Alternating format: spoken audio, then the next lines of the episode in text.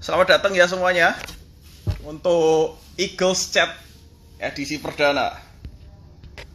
Jadi uh, selama pandemi ini udah kangen ketemu sama kalian semua. Kita belum bisa ketemu secara langsung, udah kangen ngobrol sama kalian semua, termasuk uh, care online aja rasanya kurang karena nggak bisa langsung ketemu, nggak bisa langsung ngomong. Tapi sekarang kita bisa ketemu di edisi perdana dan Eagle Set ini akan diadakan kita adakan rutin setiap minggunya. Jadi tiap hari Rabu 19.15 kita akan sama-sama ngobrol, kita akan sama-sama diskusi dengan beberapa dan tidak cuma sendirian nanti. Nanti akan ada teman-teman yang akan menemani kita untuk ngobrol. Nah, kebetulan hari ini kita akan ditemani sama John. Oke, before we talk sebelum kita ngobrol-ngobrol, kita topiknya hari ini adalah Tuhan mau kamu berhasil. Yes. Tuhan mau kamu berhasil.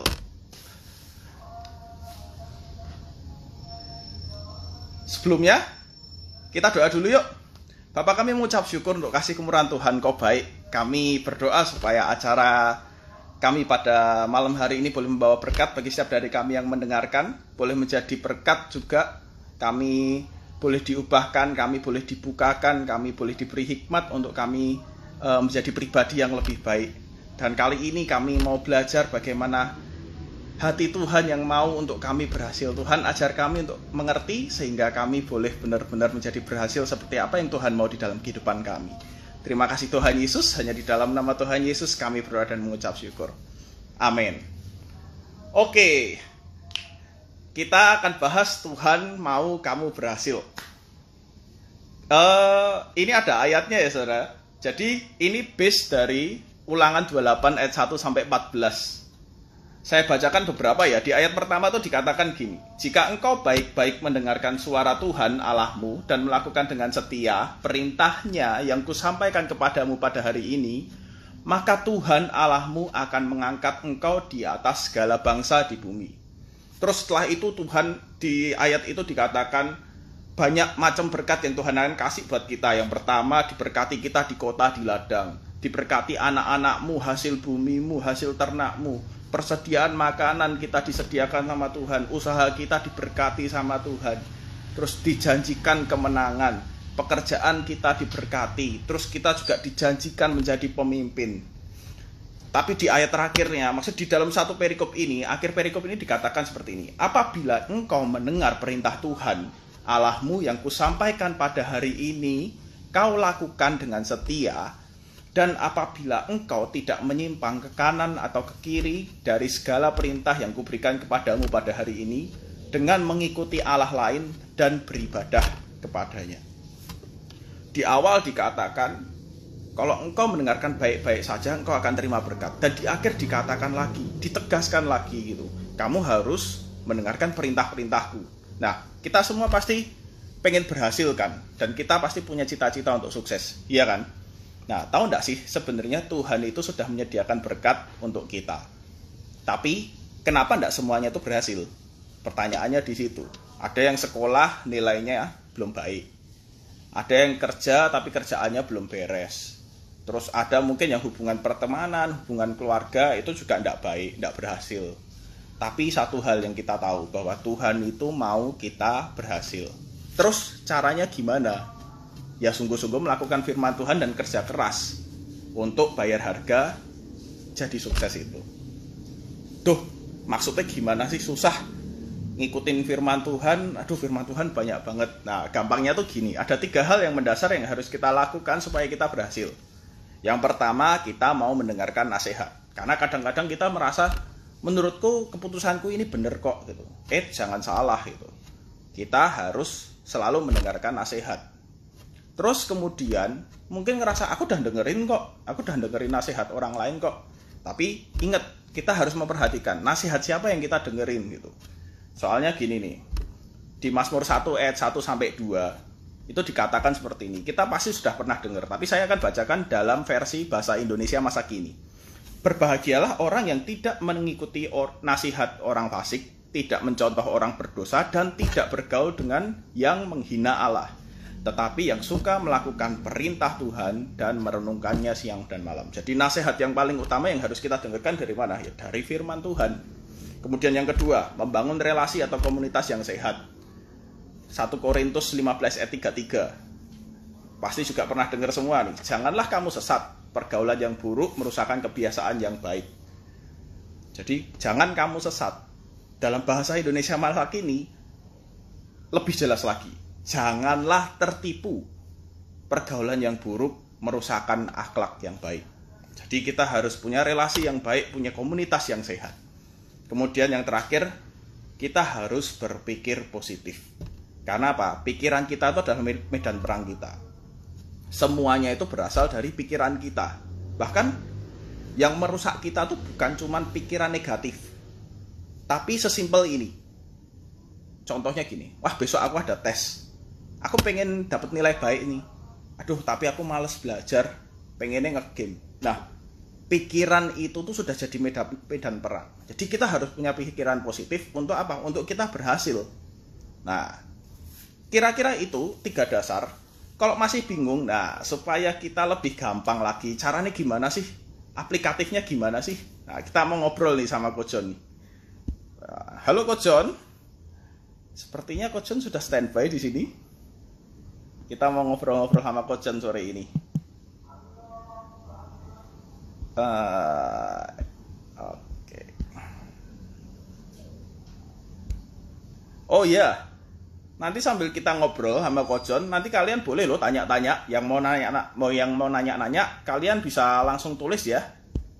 Boleh tulis di komen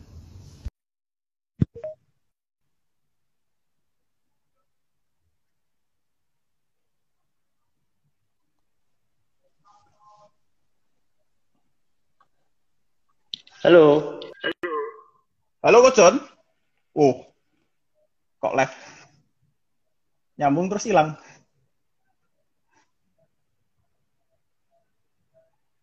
Kalian yang sudah punya halo. pertanyaan langsung ya. Ah, halo Coach John. Hai. Halo. Yang sudah kangen sama Coach John juga. Pada kenal semua kan Coach John? oh, halo Pastor Wiji, ada Pastor Wiji juga. Halo Pastor. Oh, sungkem dulu sama suhu. Sungkem suhu. Ini suhunya juga di depan saya lagi live sama saya. oh, suhu ria ya. Oke. Halo Coach John, apa kabar? Hai, hai, baik, baik, baik, ini juga ya, ya? Ya, ya, berapa bulan ya? Been a while ya. Itu, itu anaknya anaknya manggil halo Kojon. oh, malum dia lagi itu. Abaikan aja, abaikan aja itu. hai Ria, hai Bumil. Halo Kojon, apa kabar? Baik. Oh, kayaknya koneksi. Halo? Ya. Uh -oh.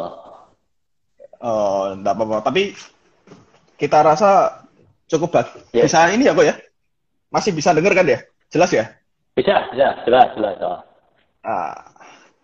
Oke. Okay. Nah, mm-hmm. jadi Coach John ini adalah salah satu care leader di profesional mm. dan beberapa kali beberapa kali sudah memberkati kita di uh, Eagle Service. Yes. Nah, kali ini kita Thank mau you. ngobrol nih sama Coach John. Tadi sudah dengar kan ya Coach John ya?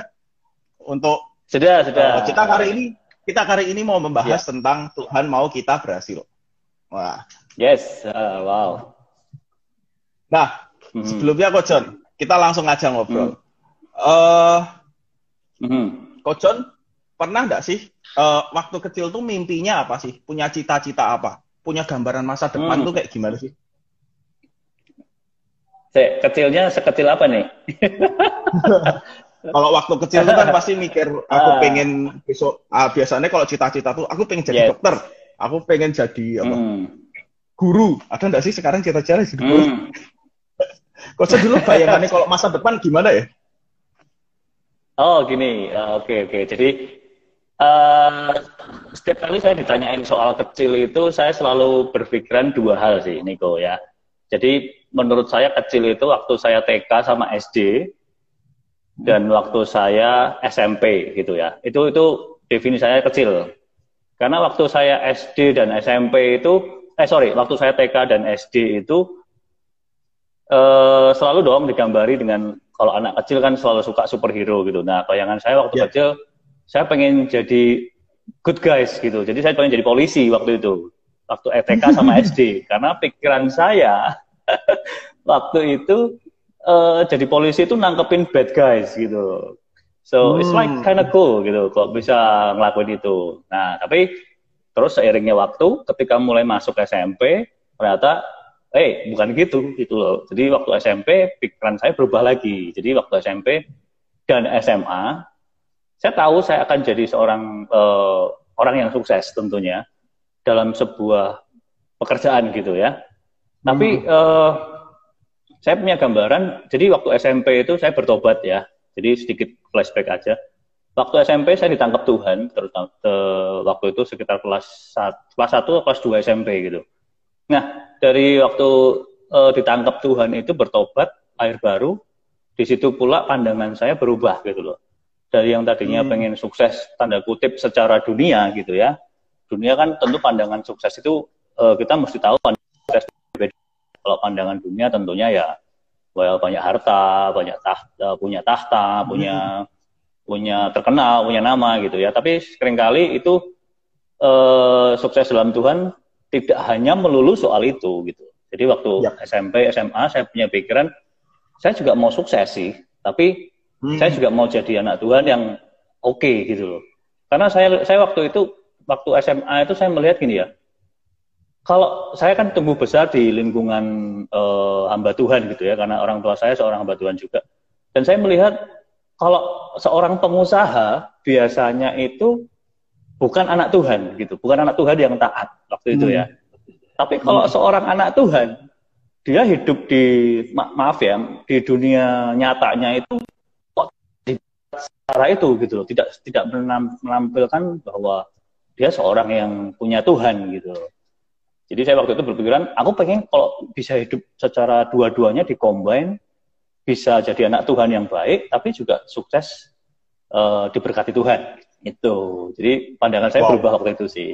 Mungkin gitu sih, Niko. Wow. Jadi uh, saya percaya setiap orang pasti bertumbuh grow beda-beda ya ekspektasinya waktu yeah, kecil, yeah, yeah. cita-citanya gitu. Uh, kalau saya gitu sih. Kalau Niko? Expect. Wah, kalau aku tuh jomplang banget. Karena cita-cita dan bayangan masa depanku tuh gini. Dulu tuh as simple as gini. Karena papa kan pengusaha ya. Waktu dulu di kecil yes. ditanyain, kamu kalau besar mau jadi apa? Jadi kayak papa. Jadi mm -hmm. apa ya? Pengusaha. Sampai ditanyain, kalau gitu mm. kuliah teknik tuh. Ya teknik, teknik. Teknik apa? Teknik kan ada banyak. Ya pokoknya teknik. Karena aku cita-citanya kayak papa. Uh. Dan dan saya melihat figur papa itu sebagai figur yang sukses saat itu. Jadi kalau aku mau yeah. hmm. besar nanti masa depan kayak gimana ya gambaranku as simple as kayak papa dah gitu aja gitu. Mm -hmm. Ya oh. memang ya memang betul kayak Kojon. Setelah berjalannya mm. waktu pasti akan berubah gitu kan. Tapi yeah. ya anak kecil pasti berpikir aku pokoknya pengennya simpelnya aku pengen sukses lah, aku pengen sukses. Tapi permasalahannya mm. pernah enggak Kojon takut enggak sukses? Mm. Waktu kecil itu pikir aku bisa kalau hmm. besar gimana ya gitu. Aku aku bisa sukses nggak uh, ya? Pernah. nah, boleh diceritain. Karena uh, ya waktu itu uh, saya ingat banget waktu itu SMA sih, SMP atau SMA ya, saya lupa waktu itu di Malang.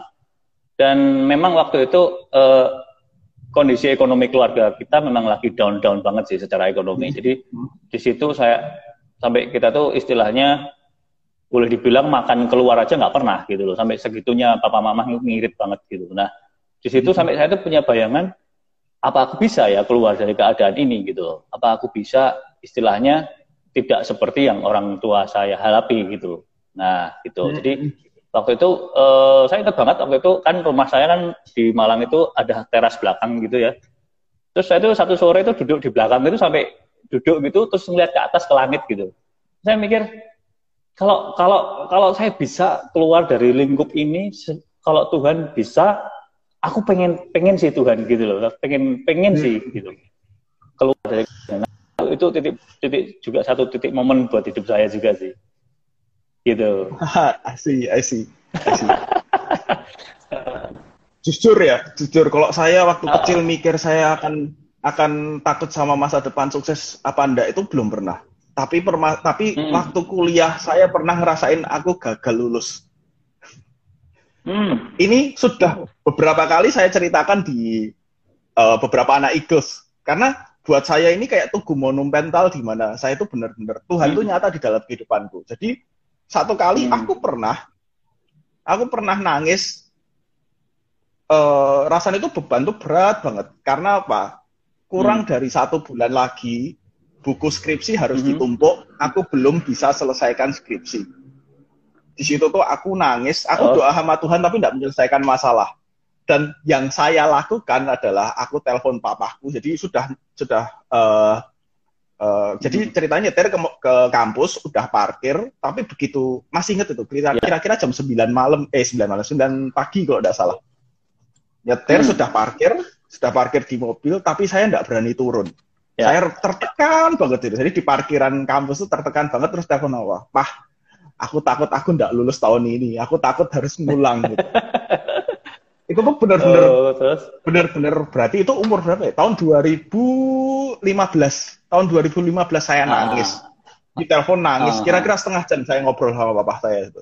Terus akhirnya papa saya tuh hmm. papa saya tuh bukan ngomong, saya inget yang satu hal yang paling hmm. saya inget itu adalah papa saya enggak hmm. ngomong, ya dah enggak apa-apa, tahun depan enggak apa-apa, enggak. Tapi papa saya tuh hmm. ngomong gini, dikerjain sungguh-sungguh berdoa sama Tuhan. Karena pasti hmm. Tuhan bisa tolong.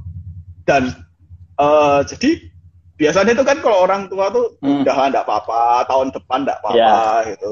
Buat saya itu uh. satu, kalau tahun depan baru lulus itu rasanya kayak malu gitu. Semuanya sudah bisa lulus di tahun itu, kok aku nggak bisa. Nah, di situ saya, uh. di situ tuh aku pernah, aku pernah banget uh, ngerasa takut, aku gagal gitu. Tapi yeah. puji Tuhan gitu. hmm. Kalau uh, kalau akhirnya ya aku lulus dan saya ngerasa itu yes. mujizat Tuhan gitu. Nah, karena ini balik lagi, Tuhan tuh mau kita berhasil. Yeah. Mau gimana pun caranya, Tuhan tuh sudah sediakin berkat kalau kita benar-benar ngandalin Tuhan. Hmm. Betul nggak, Musen? Iya. Betul, nah, betul, betul. Satu hal yang saya satu hal yang saya hmm. dapat tuh adalah saya tuh telepon uh, saya tuh dengar apa waktu saya punya masalah saya telepon papa saya saya menemu menemui orang yang paling tepat untuk dimintain nasihat hmm. kayak di Kayak di poin yang pertama ini tadi kan, gitu. kita harus mau dinasehati. Ya. Sebenarnya kalau seumpamanya hmm. kita lagi tertekan, paling enak itu kan kalau kita itu udah ndak apa-apa, betul ndak lo? Udah, apalagi hmm, Kojon sekarang okay. sudah punya anak nih, anaknya tiga gitu. Kalau lagi sedih, jangan ndak apa-apa gitu. Itu pasti membuat anak tuh berbunga-bunga gitu. Tapi di saat itu papa yeah. udah papa tuh ndak ngomong udah ndak apa-apa, tapi dia uh. menasehati. Dan Uh, Pasti Kojon juga pernah kan ngerasain waktu dinasehatin itu sebenarnya kesel. Karena tidak um, seperti yang kita harapkan. ya, ya, ya, setuju sih. Uh, sering kali dalam posisi dalam posisi kita mencari nasihat itu seringnya sebetulnya kita sedang mencari pembenaran sih sebetulnya sebetulnya Yo, seringnya ya kalau saya ya. Hmm, hmm, Jadi uh, kita selalu mengharapkan nasihat yang tanda kutip sesuai dengan hati kita sebetulnya gitu loh.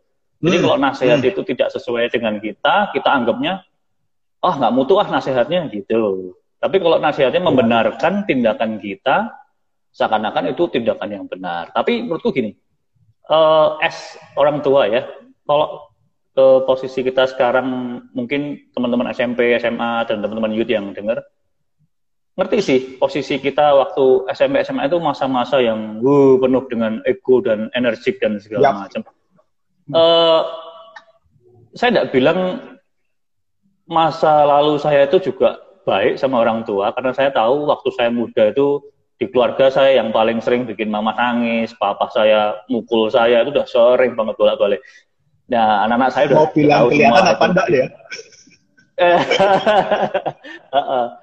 tapi uh, tapi kalau boleh saya bilang semua yang mereka katakan nasihat itu 100% benar di saya dan saya bisa garansi ya. itu dan mereka yang katakan itu harus saya rasakan ketika saya punya anak gitu. Jadi saya hmm. boleh mikir, oh iya, orang tua kita mungkin nggak ngerti nasihat itu waktu itu. Tapi sekarang hmm. kita merasakan, oh iya benar gitu. Nah, gitu sih. Ya, ya. setuju dengan Niko yang katakan kita harus terima nasihat dari orang yang tepat itu setuju sekali dan orang yang tepat sampai sekarang yang Tuhan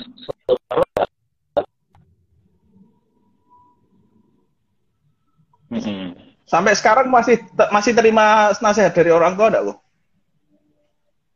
Oh masih masih masih ya masih ya dan, ah, dan bedanya ya bedanya ya Niko ya kalau dulu saya hmm. waktu SMA SMP nasihat itu kayak cuma nunduk ngitung lantai gitu cuma diem masuk telinga kiri keluar telinga kanan tapi kalau sekarang saya dinasihati ya saya malah aku senang gitu saya senang gitu malah saya tuh kalau ketemu mereka yep. ayo nasihat tentang aku kasih tahu aku saya mesti ngapain bilang-bilang ngono gitu loh gitu. jadi ngelem-ngelem sendiri so itu sih beberapa minggu lalu aku ngeliat hmm. postnya Kojon makan sama makan sate kambing sama papa Kojon tuh wow gitu. Hmm. Uh, ya, ya. Menarik itu. sekali gitu. Satu hal yang satu ah. hal yang sampai sekarang harus kita syukuri kan ya. Betul. Karena saya, saya sadar sih, waktu saya SMA itu cukup tidak uh, baik lah hubungan dengan orang tua dan banyak mengecewakan mereka gitu. Jadi kalau hari ini Tuhan masih kesempatan untuk ketemu mereka, saya mau pakai itu dengan sebaik-baik gitu. Dan yep. uh, istilahnya berterima kasih lah buat mereka gitu. So itu yep, yep about nasihat. Ya, dan dan jangan salah loh, hmm. saya pun juga beberapa hari hmm. masih dinasehati sama orang tua saya dan kadang aku tuh menolak nasihatnya oh. orang tua. Masih seperti itu. Oh, okay. Tapi hmm.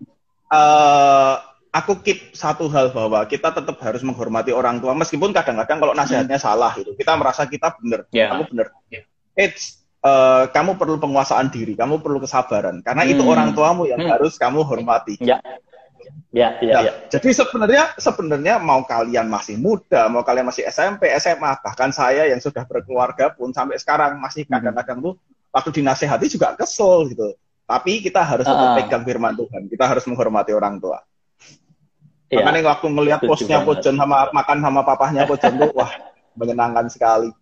Uh, gitu. Nah, ngomong-ngomong. Jadi, jadi gimana gimana gimana? Jadi teringat sorry, sorry. Ah, jadi jadi teringat satu hal. Jadi gini, uh, sering kali Tuhan itu izinkan gesekan ya, itu ya. terjadi dari orang-orang terdekat kita. Tuhan sering ya. pakai itu. Jadi kayak kayak kalau kalau kita baca di Alkitab tuh uh, Kain dan Habel pasti gesekannya hmm. antara antar saudara gitu ya. ya. Kalau si es Esau sama Yakub juga mereka gesekannya antar saudara. Jadi sering kali Tuhan pakai orang-orang terdekat ya, orang tua, keluarga, teman-teman terdekat untuk membentuk kita sih gitu. Jadi kalau ya. uh, mungkin hari ini kita punya tanda kutip punya masalah sama orang tua, hey sering kali mungkin itu Tuhan pakai orang tuamu untuk membentuk kamu dan kamu akan hmm. terbentuk nantinya, kamu akan merasa lebih baik gitu, gitu. Hmm. hmm, hmm. Jadi uh, ya, apa pun ya, yang ya. sekarang di mungkin ada masalah atau apa, nggak akan tahu sih kalau kita nggak jalani itu terus sampai nantinya kita terbentuk fully form itu nanti uh, satu tahun ke depan atau dua tahun lagi gitu. Itu, itu sih, medianya saya. Tuhan untuk membentuk kita supaya kita berhasil. Yes, yes, yep. yes, setuju. Nah, media berikutnya, ini kan nah. kalau saya tahu, John ini kan uh, hmm. punya komunitas yang cukup banyak, komunitas sepedaan, hmm. komunitas banyak lah gitu. Nah, kalau ya, komunitas ya. gimana, Bu? Tuhan mau kita berhasil, uh, kita harus membentuk komunitas yang baik kan. Kita harus berada di yes. komunitas yang benar. Bahkan aku pernah dengar mm. beberapa hari yang lalu tuh ada quote itu, kalau kita mm. berteman, pilihlah orang-orang yang pintar. Karena kalau kita di kawanan mm. pintar itu kita yang paling bodoh, paling tidak gitu kita orang yang bodoh daripada mm. dari orang-orang yang pintar. Yes. Karena lingkungan itu membentuk kita. Nah, gimana Coach John kalau uh, di lingkungannya kok, hmm. di komunitasnya kok. Oke, okay. uh, eh, saya setuju sih. Awal setuju dengan pernyataan bahwa yang di sekeliling kita akan membentuk siapa kita dan membuat kita uh, istilahnya seperti mereka gitu. Pergaulan yang ya. baik me, apa, apa membuat kita lebih lebih sempurna di depan Tuhan.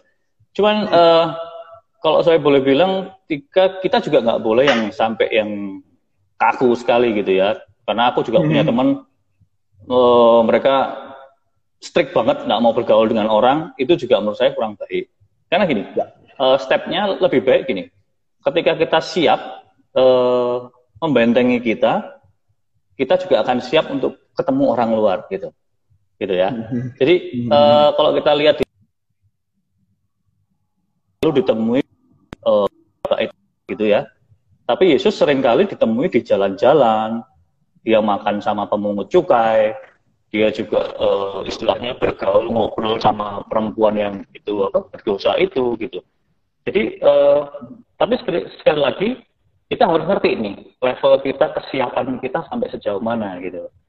Sekali lagi hmm. yang paling penting adalah kita tidak um, kita hanya perlu membentengi diri kita dulu, menguatkan dalam kita, kemudian bergaul dengan luar gitu.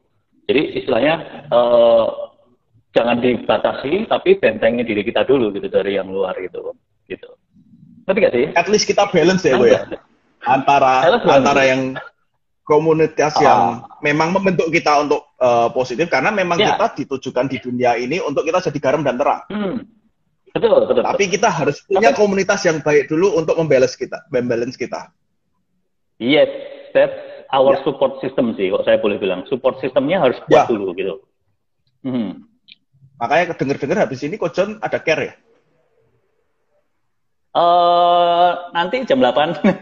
nah, itu salah uh, satu support system yang baik. Nah, yes, yang lain juga yang dengerin. Saya, uh, uh, yang dengerin jangan betul. lupa nanti Sabtu kita ada care ya masing-masing.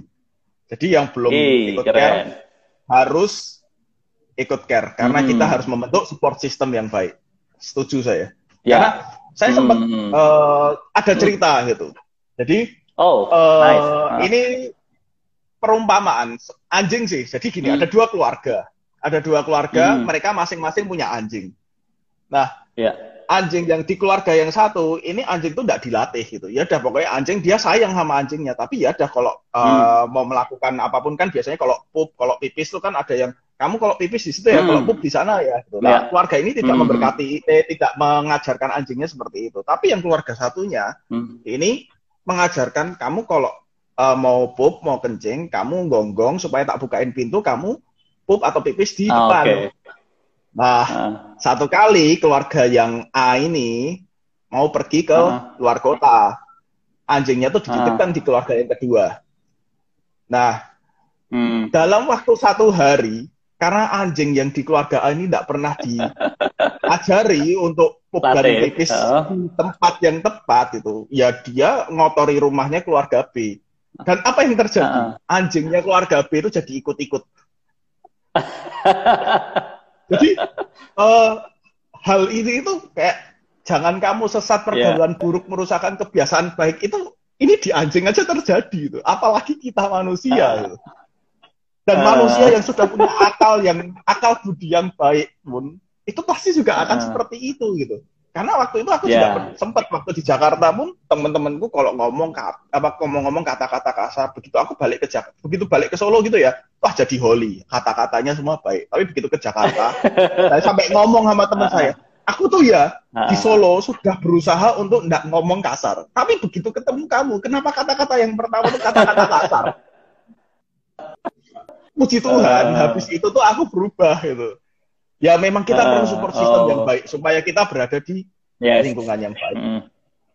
Setuju, benar banget. Dan menambahkan nah. itu sih ya, uh, mm. support system. Jadi gini, support system itulah yang nanti akan membuat kita uh, tetap menjaga siapa kita sih, gitu. Jadi dengan hmm. dengan itu semacam kayak fil filter kita sih, dengan kita ketemu mereka nggak salah ketemu dengan banyak teman di luar uh, apa uh, di luar gereja gitu misalnya ya. Justru malah sejujurnya saya mendorong sih anak-anak muda ayo kamu hmm. ketemu banyak orang. Dengan begitu kamu nambah banyak pengalaman dan kamu nambah pertemanan kolaborasi dan segala macam. Jadilah terang di luar jadilah garam di luar. Tapi ketika garammu sudah mulai tidak asin kembalilah ke tempat di mana garam diasinkan kembali gitu loh dicas lagi. Ya. Ya, ya. Ibarat ibarat lampu itu kamu balik lagi cari minyak lagi gitu. Jadi dengan begitu kamu akan terus nyala dan nyala dan nyala lagi. Nggak redup jadi dan, terus uh, kehilangan dan fungsi. Dan akan lebih baik kalau kita itu dicas hmm. setiap hari. Kita selalu dicas, kita datang sama Tuhan, yes. kita punya komunitas yang baik dan hey, itu yes, ya akan dicas terus. Hmm. Oh ya, buat teman-teman yang uh, join live sekarang, kalau mau tanya boleh. Itu ada ternyata ada question box ya. Di bawah ya, itu ada bisa. question box. Kalian bisa hmm. uh, tulis pertanyaan di question box ya kalau ada pertanyaan-pertanyaan. Kita move on, next thing. Terus next tadi thing. kita belajar kalau hmm. kita mau apa kita mau berhasil Tuhan mau kita berhasil hmm. tapi kita harus berusaha dengan dengarkan nasihat yeah. kita punya support system hmm. dan yang terakhir ini kita harus develop ya. positive thinking, develop hmm. positivity. Nah, hmm. gimana Coach John? Uh, setuju sih, setuju banget. Karena gini, sesuatu kita belajar gini ya. Uh, kalau Niko pernah dengar sih, namanya law of attraction ya. Law of attraction ya. itu adalah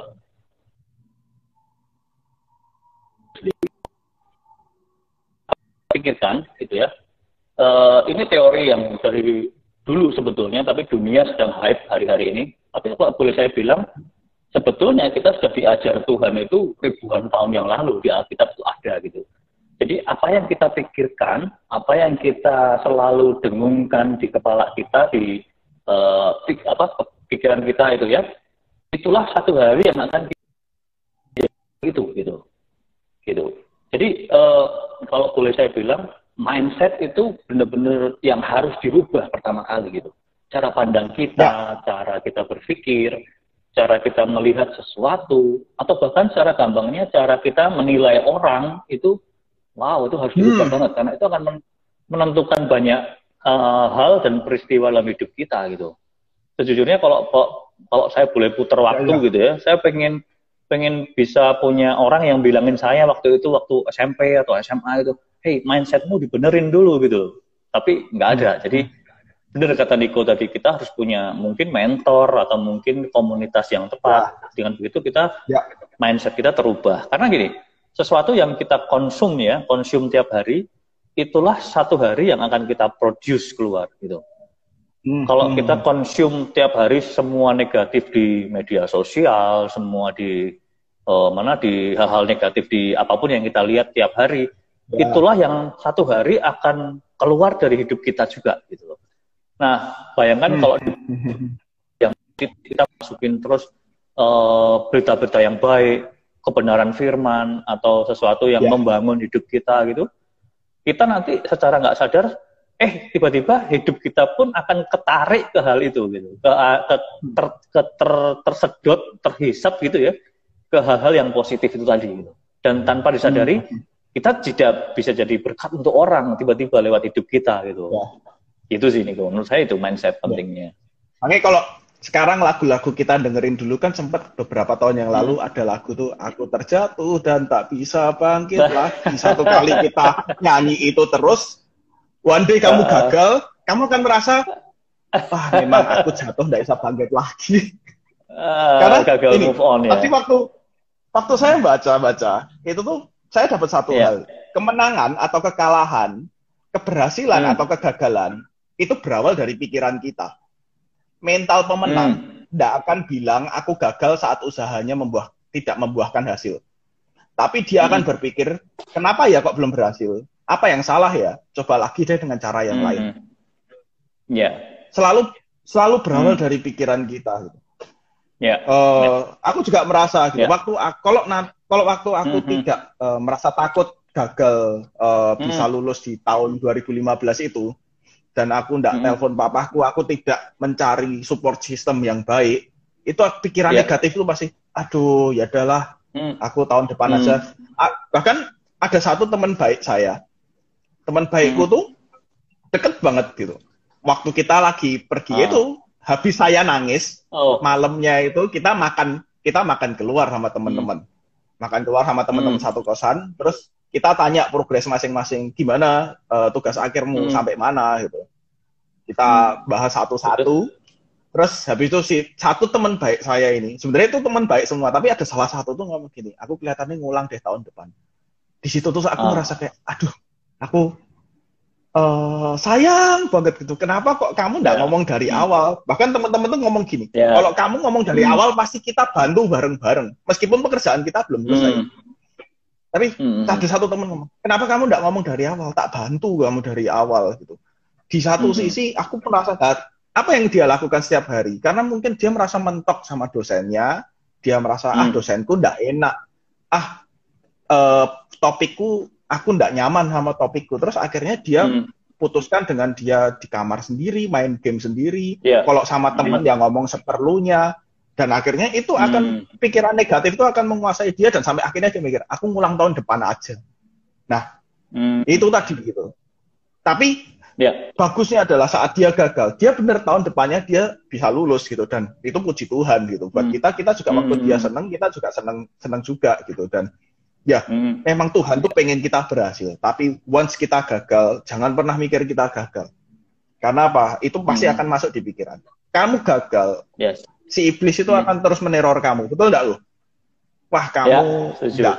Ini kamu kamu gagal, hmm. kamu bukan orang yang baik. Hmm. Ya.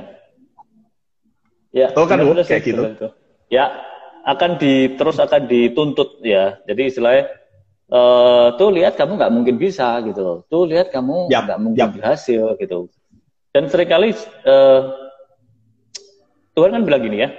Seringkali kita ini di false blind gitu ya dengan mata sih. Karena gini, kalau menurut saya menurut saya ya, karena saya yang ngalamin gitu. Seringkali ketika kita melihat keadaan luar, situasi luar, itu kita akan merasa itulah yang akan terjadi dengan kita gitu. Coba uh, gampangnya gini, sering kali kita ini kan makanya kan Tuhan bilang, you walk by by faith, not by sight gitu. Not by sight. Ya. Kamu kamu kamu nggak bisa lihat, kamu nggak bisa lihat gitu. Di bahkan di masa badai dan topan sekalipun jarak pandangmu ya kalau kita naik mobil terus hujan deras itu jarak pandangmu paling cuma 2 meter maksimal 3 meter. You cannot see yeah, with your yeah. eyes gitu loh.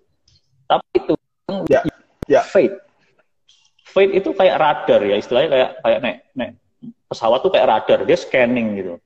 Dan Tuhan tahu ketika kamu dengan dengan uh, direction yang tepat dengan Tuhan radarmu itu akan berfungsi dan akan menuntunmu ke tempat itu gitu jadi uh, mm -hmm saya setuju sih. Seringkali kita mengalami banyak sekali mindset yang hari ini kita gagal dan nggak bisa bangkit lagi gitu.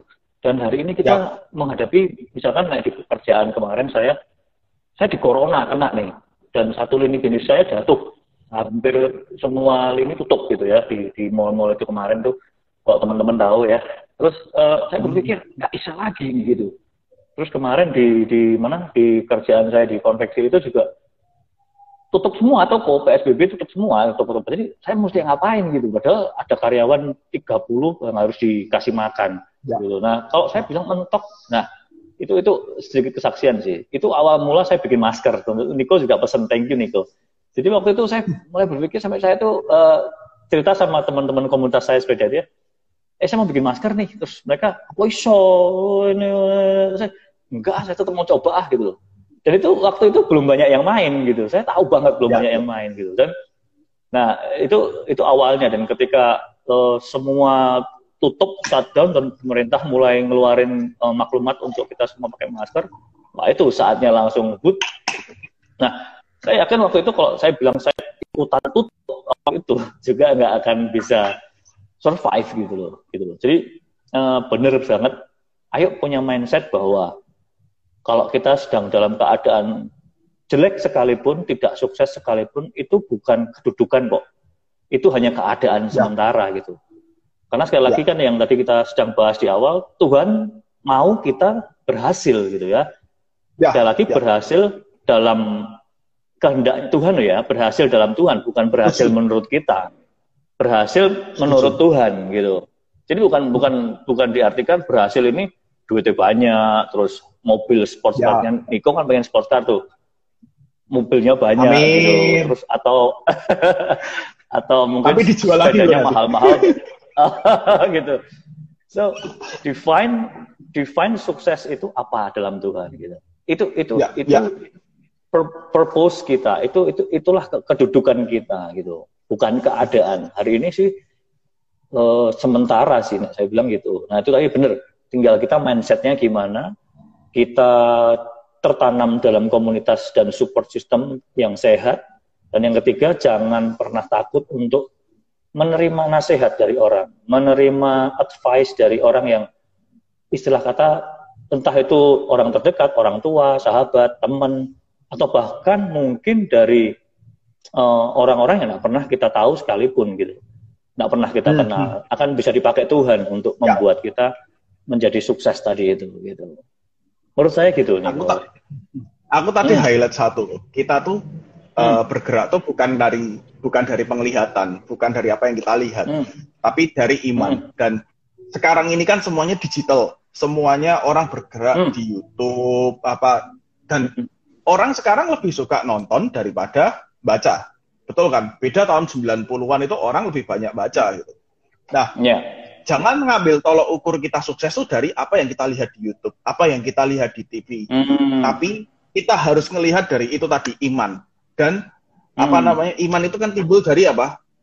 pendengaran akan firman Tuhan. Kita baca firman Tuhan. Dan satu hal yang aku highlight dari hmm. Coach John tadi yang terakhir, bahwa hmm. kita harus sukses, tolak ukurnya Tuhan, bukan apa yang kita mau, dan bukan apa yang kita lihat.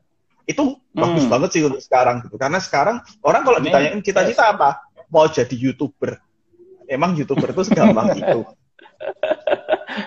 Sulit jadilah ya. yang terbaik untuk jadilah yang terbaik untuk dirimu sendiri. Jadilah yang terbaik Wow, uh, Apa yang Tuhan mau sendiri buat kamu. Gitu. Jadi berhasil itu tolak yes. ukurnya bukan orang mm -hmm. lain. Last word mm. tuh, kita sudah 759. Yes. Last word. Mm -hmm. Ada pesan? Last word. Uh, uh, Oke, okay, satu hal aja sih, hal kecil. Um, jalan dalam Tuhan ya, kalau kalau boleh saya kasih sedikit uh, yang sudah pernah saya alami ikut Tuhan itu tidak selalu gambarannya keren gitu ya, sukses gitu. Ya. Karena kemarin kemarin saya sharing sama istri saya, yang pernah kita alami, kita ini semakin nempel Tuhan, semakin kita diproses loh, gila-gilaan gitu. Semakin ya, kita ya, ya, deket sama Tuhan, itu eh, tanda kutip ujian dari Tuhan memang diizinkan saya tahu, itu malah tiap hari terus aja ada, tiap kali ada aja gitu. Jadi saya boleh hmm. bilang kita ini tujuannya uh, Tuhan kan bilang kamu kamu tuh akan jadi kepala bukan jadi ekor, bener ya? Itu tujuan ya, ya. kita sebetulnya. Tapi masalahnya dari ekor menuju kepala ini kan banyak sekali ujian-ujian gitu.